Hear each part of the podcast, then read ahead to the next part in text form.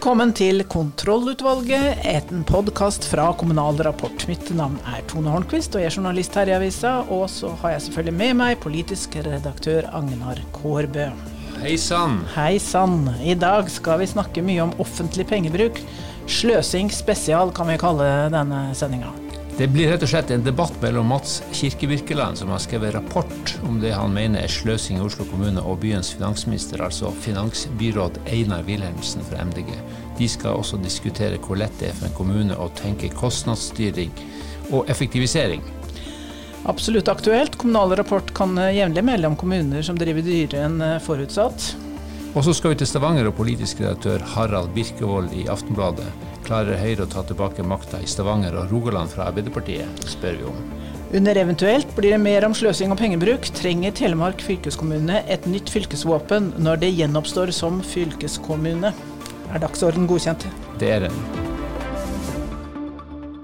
Offentlig sektor i Norge er stor. Det er milliarder av skattekroner som brukes til statlige og kommunale formål. Sløses det med noen av disse kronene, kan noen av dem brukes mer effektivt? Kan rett og slett kostnadskontrollen bli bedre?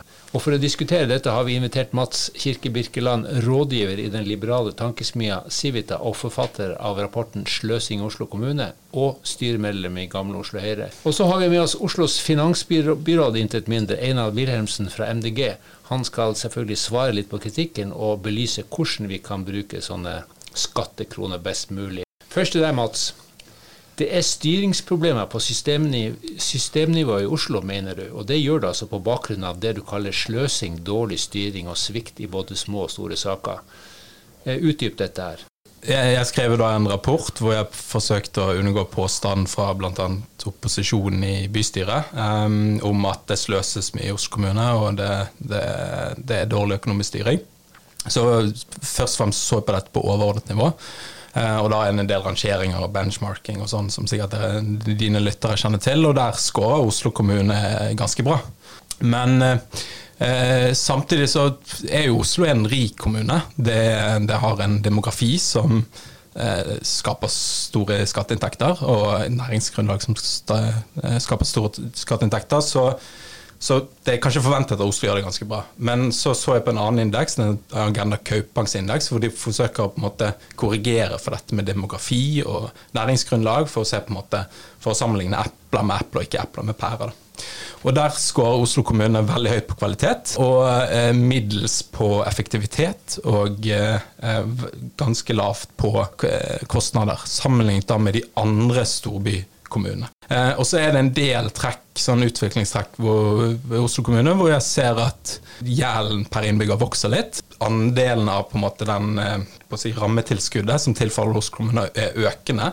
Så Oslo kommune går fra å være en veldig rik kommune i Kommune-Norge-sammenheng til å bli litt mer som eh, andre kommuner. På kort og på mellomlang sikt så vil Oslo kommune håndtere dette mest sannsynlig veldig bra, men på et eller annet tidspunkt så, eh, så må Oslo kommune også eh, forbedre eller effektivisere. Så det er på en måte overordnet. Så gikk jeg da, og denne metoden er veldig kontroversiell, jeg vet det. Jeg så på enkelteksempler, og da fant jeg mer enn 50 enkelteksempler, små og store, eh, hvor jeg forsøkte å se om det var noen sammenheng på, på det jeg kaller sløsing. Eh, og det er vans vanskelig, fordi Oslo kommune kan bli anklaget for cherrypicking. Eh, jeg har forsøkt å se på både nåværende byråd og tidligere byråd. Og, og fant eh, det prøvde å unngå det som var typisk partipolitisk, og liksom eksempler som på en måte hvor det i stor grad er enighet om at dette er sløsing. Og, og mengden eksempler, eh, og ikke minst at det var en sånn fellestrekk ved de eksemplene, bl.a. er spesielt investeringsprosjekter, utbyggingsprosjekter, eh, hvor det virker som å være ganske dårlig prosjektstyring, dårlig forarbeid, og en del litt sånn hvor, hvor man starter, og så blir det x mer utvides prosjektet da, uten at man stopper opp. Eh, som gjør at jeg på en måte konkluderer med at her har Oslo kommune forbedringspotensial, og eh, har en del problemer med da, styring, på et styringsnivå. Så både utfordring på overordnet nivå, også, men også eksempler som du mener tyder på at uh, her mangler man uh, ja, kostnadskontroll? Ja, så må jo det sies at Oslo kommune, er, er, riksmediene sitter her. Jeg har brukt offentlige kilder, så det er klart at og Det er jo litt sånn feil, fordi Oslo kommune har jo enormt mange prosjekter. Så det kan jo være at de, de prosjektene går bra, forbigås jo i stillhet. Eh, sånn men, men hell, man vet heller ikke hvor mange sånne enkelteksempler. Så den metoden er jeg enig i at den, den, den, er ikke perfekt, men det er i hvert fall interessant å se om det var noen sammenheng der. Og det mener jeg at jeg fant.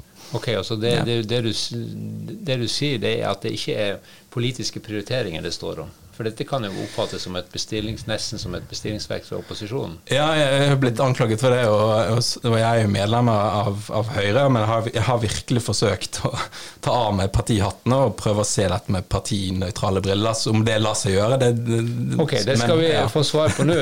Einar uh, Wilhelmsen, du er altså finansbyråd og sånn sett politisk ansvarlig for uh, pengebruken i, i, Oslo kommune. Selvfølgelig ved siden av uh, bystyret. Men uh, hvordan oppfatter du denne kritikken? Er den eh, interessant, seriøs, eller blir det for politisert og for uh, eh, prega av enkelteksempler? Jeg syns jo rapporten var veldig interessant, og jeg, kanskje rapporten var bedre enn en, en, en, oppfølgingen i, i, media, som var mer spissa. Og som jeg syns var, var skjemma av en del feil og feilslutninger.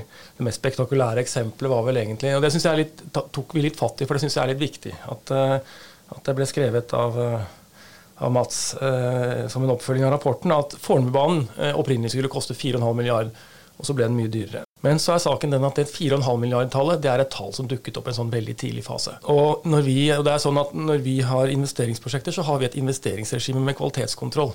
Det har vel alle kommuner med KS1 og KS2. ikke sant? Og allerede i KS1 så sier ekstern kvalitetssikrer at det her er 4,5 milliard-tallet. Det kan man ikke bruke til noe som helst.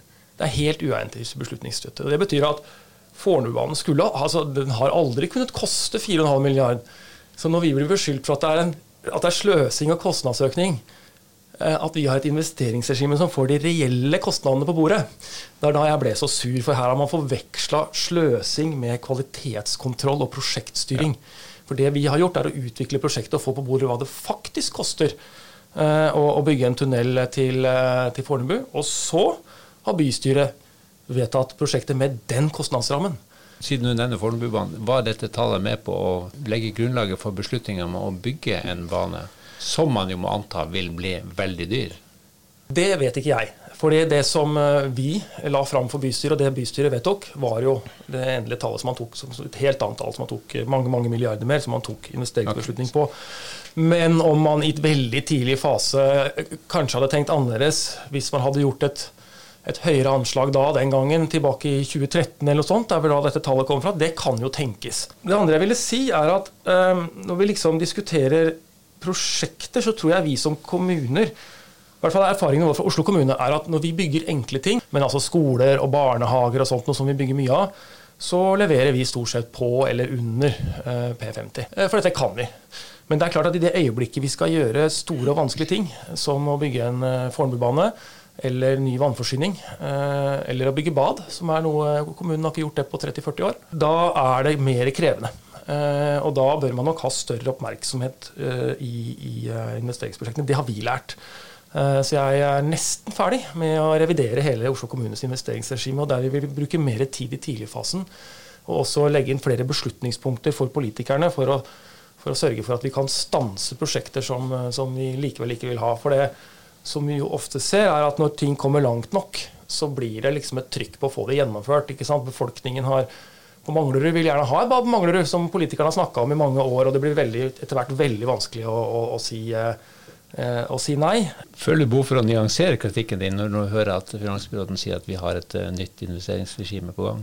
Nei, eh, dette syns jeg er veldig interessant, for det, dette er jo en del av min måte, kritikk også. At, eh, at i hvert fall tidligere byråd har på en måte hatt hatt eh, første anslag på prosjekter som bare er urealistiske eller for lave, og så låser man inn det inn i en politisk prosess. Og så vokser prosjektene, og man får eh, KS2 og på en måte får regna på dette ordentlig, og så viser det seg å bli mye dyrere, og så likevel gjennomfører man, det. Men ja, vi må jo på en måte gi litt skryt til byrådet, for det, det, har vært en del prosjekter eller nåværende byråd, det har vært det prosjektet vår som har gått litt ut av løps, bl.a. en brannstasjon på Bryn. Nå skal ikke alle lytterne vite det, men der så man at her ble kostnaden for mye, og så dro man i bremsen. Sant? Og det, det, er nettopp det som er en del av eh, prosjektet mitt, så jeg applauderer alle de tiltak som, eh, som finansbyråene her nevner. For å løfte dette ut fra Oslo, det er jo en opplagt min observasjon at uh, veldig mange kommuner er opptatt av effektivitet og kostnadskontroll. I nasjonalbudsjettet for i år så sto det faktisk at uh, produktivitetsgevinsten i kommunesektoren kan økes med 0,5% i år. og Det vil jo frigjøre om lag 1,6 milliarder kroner, som jo er et anselig beløp når vi ser på økning av kommuneramma. Er det mulig å få dette til?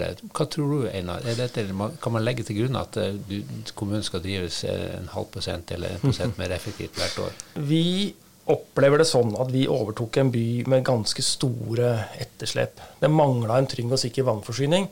Uh, utfallet av vannforsyningen med påfølgende evakuering av store deler av Oslo og kolerautbrudd var vurdert som like sannsynlig som global pandemi. Og global pandemi har vi fått. Vi har også brukt store ressurser på å bygge skoler, eh, trappe opp eh, sykkelveiutbygginga, sikre bedre kollektivt, bygge idrettshaller og sånt noe. Som gjør at eh, Det sier jeg fordi at det er sikkert mulig å kutte en halv prosent i kommunebudsjettene hvert år, men det har en kostnad. Ja, Men ikke kutte, men hente ut produktivitetsgevinst. Ja, men, men, men, men, min erfaring er at før vi tok over, så var det sånn at det høyrestyrte byrådet hadde da årlige rammekutt som de kalte rammekutt, eller effektiviseringsgevinster.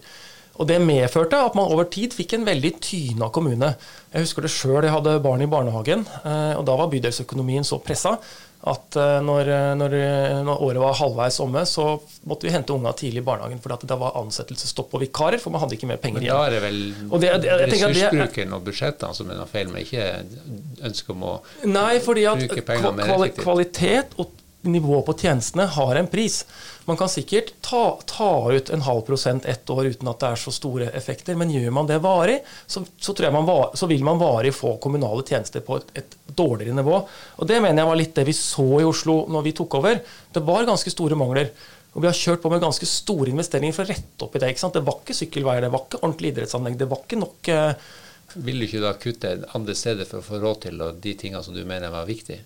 Det kan godt hende, men da vil jo uh, over tid så vil jo uh, det tyte ut i dårligere tjenestetilbud et eller annet sted. Eh, og så er det sånn at Vi har også kutta altså jeg har også kutta i kommunebudsjettene. Jeg tror vi kutta 177 millioner i effektiviseringskutt i fjor. Det bør være rom for å gjøre sånne ting. Men jeg, men jeg, tror ikke man skal lure seg selv og tro at du varig kan kutte i kommuneøkonomien uten at det får en konsekvens i, i, i, kvaliteten. Og det er litt viktig, for jeg tror at innbyggerne forventer også en kvalitet fra, på det kommunale tilbudet som står i stil med den levestandarden de har. Så blir det kommunale tilbudet for dårlig, så blir kommunen utfordra av andre tjenesteleverandører, og det er ikke noe bra. Men Hva sier du, Mats? Er det mulig å hente ut en, eh, en effektivitetsgevinst, ikke produktivitet? da? Det bør i hvert fall Det er jo viktig å huske på at det er forskjell på kommunene her. Da. Så eh, Man kan jo tenke at en stor kommune som Oslo, eh, så bør man i hvert fall forvente en viss grad av stordriftsfordeler, hvor man også har eh, et arbeidsmarked hvor man kanskje liksom ansetter spesialister i mye større grad enn mindre kommuner. Som gjør at man kan organisere seg på en måte som gjør at litt mer effektivt enn en mindre kommuner. På den andre siden så kan jo en negativ side være en stor kommune som Oslo være jo at man, man, fordi det er som stor organisasjon, så kreves det mer eh, organisering av byråkratisering og mellomledernivåer for å organisere en så stor kommune. Så det, en, en, mindre kommune kan jo ha kortere vei til, til tjenesteproduksjon og mer flyt i organisasjonen, men sliter kanskje med å få tak i riktig kompetanse som gjør en effektiviserings, eh, gjør effektivisering mulig. Men men sånn som jeg har forstått det, i hvert fall, så er jo hovedkostnaden til en kommune er jo arbeidskraft. Eh, og da, da, er jo det til en viss grad forventet at, eh, at eh, den arbeidskraften kan bli litt mer effektiv eller organiseres på en litt annen måte hvert år. Og man må også kunne stille spørsmålstegn til for eksempel, eksempler som med denne helse-NOU-en og såpass. Liksom, bruker man, det, er mye snakk om overutdanning i privat sektor. Det er private bedrifter ansetter mastergrader som de trenger bachelorgrad. Men jeg tror du ser kanskje visse tendenser også i kommunal sektor, hvor du har sykepleiere som f.eks. Smører, eh, smører brødskiver eller den type ting, som kunne vært gjort av personer med annen kompetanse. Og den type effektiviseringsgevinster tror jeg eh, kommunal sektor har, har en god del å gå på. Ok, Vi har ikke klart å konkludere helt om det sløses med penger i offentlig sektor, eller om kostnadskontrollen er god, men jeg kan love dere én ting, vi kommer tilbake til dette.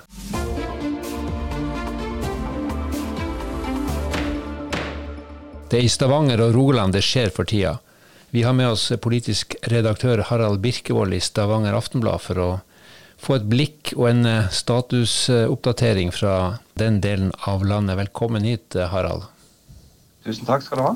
Det har vært eh, plutselig nasjonale oppmerksomheten ble retta mot eh, Stavanger nylig, da koalisjonspartnerne i kommunestyret gikk ut og tok alle på senga, inkludert sin egen administrasjon, med å love gratis buss, gratis kollektivtransport. Men er det nok for at de skal vinne valget? Nei, det er det ikke. Eh, men, men det, som du sier, så skapte det jo eh, en god del eh, aktivitet og, og oppstandelse på, på, mandags formiddag der når denne her nyheten ble kjent. Og det skapte jo brudulje og en ganske frisk debatt i kommunestyremøtet som var senere på dagen på mandag klokka to. Hvor, hvor da opposisjonen særlig bekymrer seg over realismen i disse regnestykkene som ligger til grunn. Det er lenge til valget, og den saken her den eh, vil jo på et eller annet vis eh, gå litt over, selv om det, vi får eh, se hvordan det i praksis, praksis skal gjennomføres. Men er det nok til å drive Høyre på defensiven? Ja, altså det, det, er et ganske godt stykke valgflesk, i den forstand at det, det tvinger jo særlig Høyre til å være imot noe som er gratis. Uh, altså det, tvinger de til en litt sånn defensiv posisjon, hvor de må sitte og være bekymra og, være imot noe som, som mange syns er et eh, ganske artig tiltak. Eh, men det er jo en haug med ubesvarte spørsmål rundt dette. Og, og som du selv sier, så er jo timingen det er jo fortsatt en god stund til valget. Disse, den, denne saken kan jo miste nyhetens interesse eh, før 11.9. Men det skyldes jo òg litt sånn praktiske ting. De er nødt til å få dette de er nødt til å få en sak på bordet til, det siste kommunestyret før sommerferien. Nå er det jo en regnbuekoalisjon med litt ulike aktører som eh, står bak Arbeiderpartiets eh, ordfører. Men eh, vil eh, Høyres kandidat klare å, å, stable på beina et solid flertall? Så alle målingene så langt tyder på at det blir et skifte i Stavanger i høst. Høyre flyter jo på den generelle nasjonale medgangsbølgen.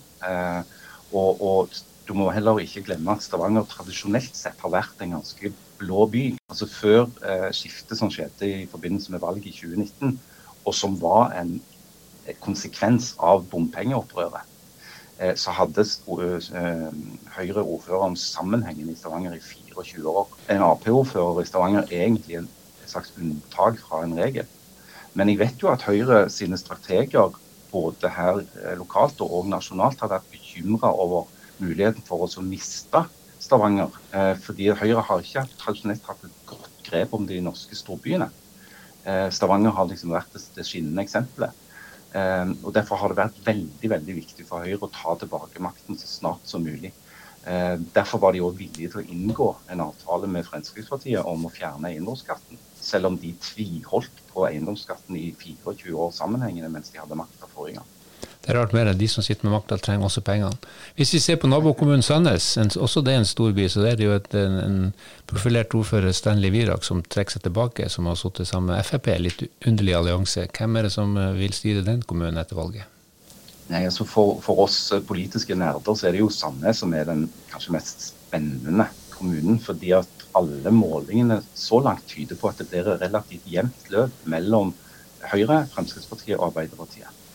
Og det er ukjent eh, hvem som vil alliere seg med hvem. Altså Denne litt umake alliansen mellom Ap og Frp i Sandnes eh, har jo historiske grunner. Eh, Frp i Sandnes har hatt et horn i siden til Høyre helt siden Frp, Frp ble skjøvet ut av samarbeidet i Sandnes i 2011.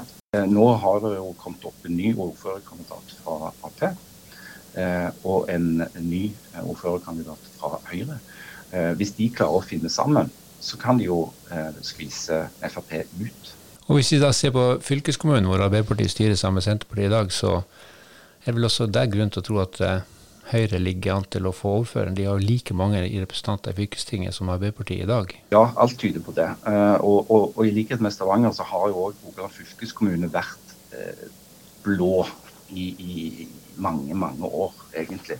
Uh, så, så, det skiftet som, som skjedde da, da, først Kristelig Folkeparti fikk fylkesordføreren og senere Arbeiderpartiet, skyldtes jo en strategisk allianse i, i bakkant av valget for eh, ikke for tre og et halvt år siden, men for eh, syv og et halvt år siden. Og eh, det alt tyder nå på at, at Høyre sin ordførerkandidat vil bli fylkesordfører. Harald Birkevold, takk for oppdateringa fra Rogaland.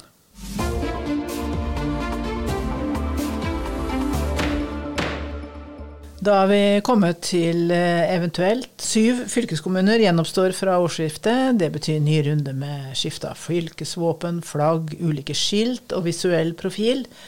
Siden eh, sirkulærøkonomi er tidens melodi, da, så må vi jo tro at gamle skilt og gamle fylkesvåpen blir henta fram igjen av eh, kjelleren. Eh, ikke noe sløsing, med andre ord. Ja, I stor grad så er det jo gjennombruk og oppdatering av profiler, bl.a. i tråd med universell utforming, som vi ser. Finnmark skal ta i bruk sin gamle og uinntagelige borg, inspirert av Vardøhus festing, og i Troms og gjenbruke de Griffen. Altså dette fabeldyret som er en krysning mellom løve og ørn, og som symboliserer årvåkenhet og aktpågivenhet. Typiske kjerneverdier i eh, fylkeskommunal virkelighet, ikke sant. Buskerud får tilbake fylkesbjørnen sin. Så en nøktern linje, da, med andre ord. Ingen fylkeskommuner gjør som eh, Petter Stordalen og svirrer rundt en milliard på ny lansering. Nei, det skulle tatt seg ut. Men uh, det er mulig Stordalen har noen tips om å skape entusiasme i og rundt fylkeskommunen, men jeg tror ikke han er god til å drive videregående skoler og fylkesveier. Han får holde seg til uh, hotell- og reiselivsselskap.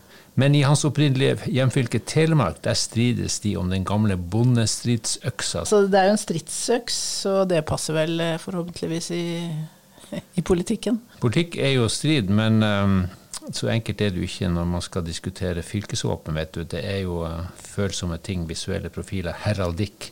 Eh, fylkestinget i Telemark, eller Vestfold Telemark ba i mars om uh, gjenbruk av fylkesvåpenet. Så hadde de i et vedtak noe om at de skulle ha alternative forslag til hvordan dette nye våpenet skulle utformes. Og nå har de fått fire forslag, og debatten er selvfølgelig i gang.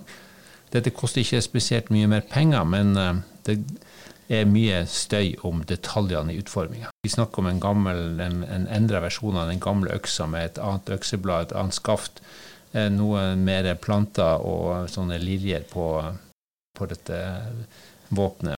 Men du, jeg leser i lokalpressa at eh, fylkespolitiker og Høyres eh, fylkesordførerkandidat Gunn Marit Helgesen syns den nye øksa verken ligner fugl eller fisk, med det hun kaller syns bare det er nye kruseduller. Den ligner jo en øks. Ja. hun vil altså at nye Telemark skal gjenbruke fylkesvåpenet fra dagens fylkeskommune, som viser et gullfarget vikingskip og akantus stilisert planter på rød bakgrunn. Det høres greit ut. En nøktern linje der fra Helgesen. Men jeg tror vi kan eh, avslutte dagens eh, kontrollutvalg med å foregripe fylkestingets behandling i juni og konkludere med at denne saken må utredes litt videre. I studio i dag var Tone Holmquist og Agnar Korbe. Ansvarlig redaktør for Kommunal Rapport er Britt Sofie Hesvik. Lytt på vår neste sending. Den kommer plutselig, og ikke minst følg med på våre nettsider.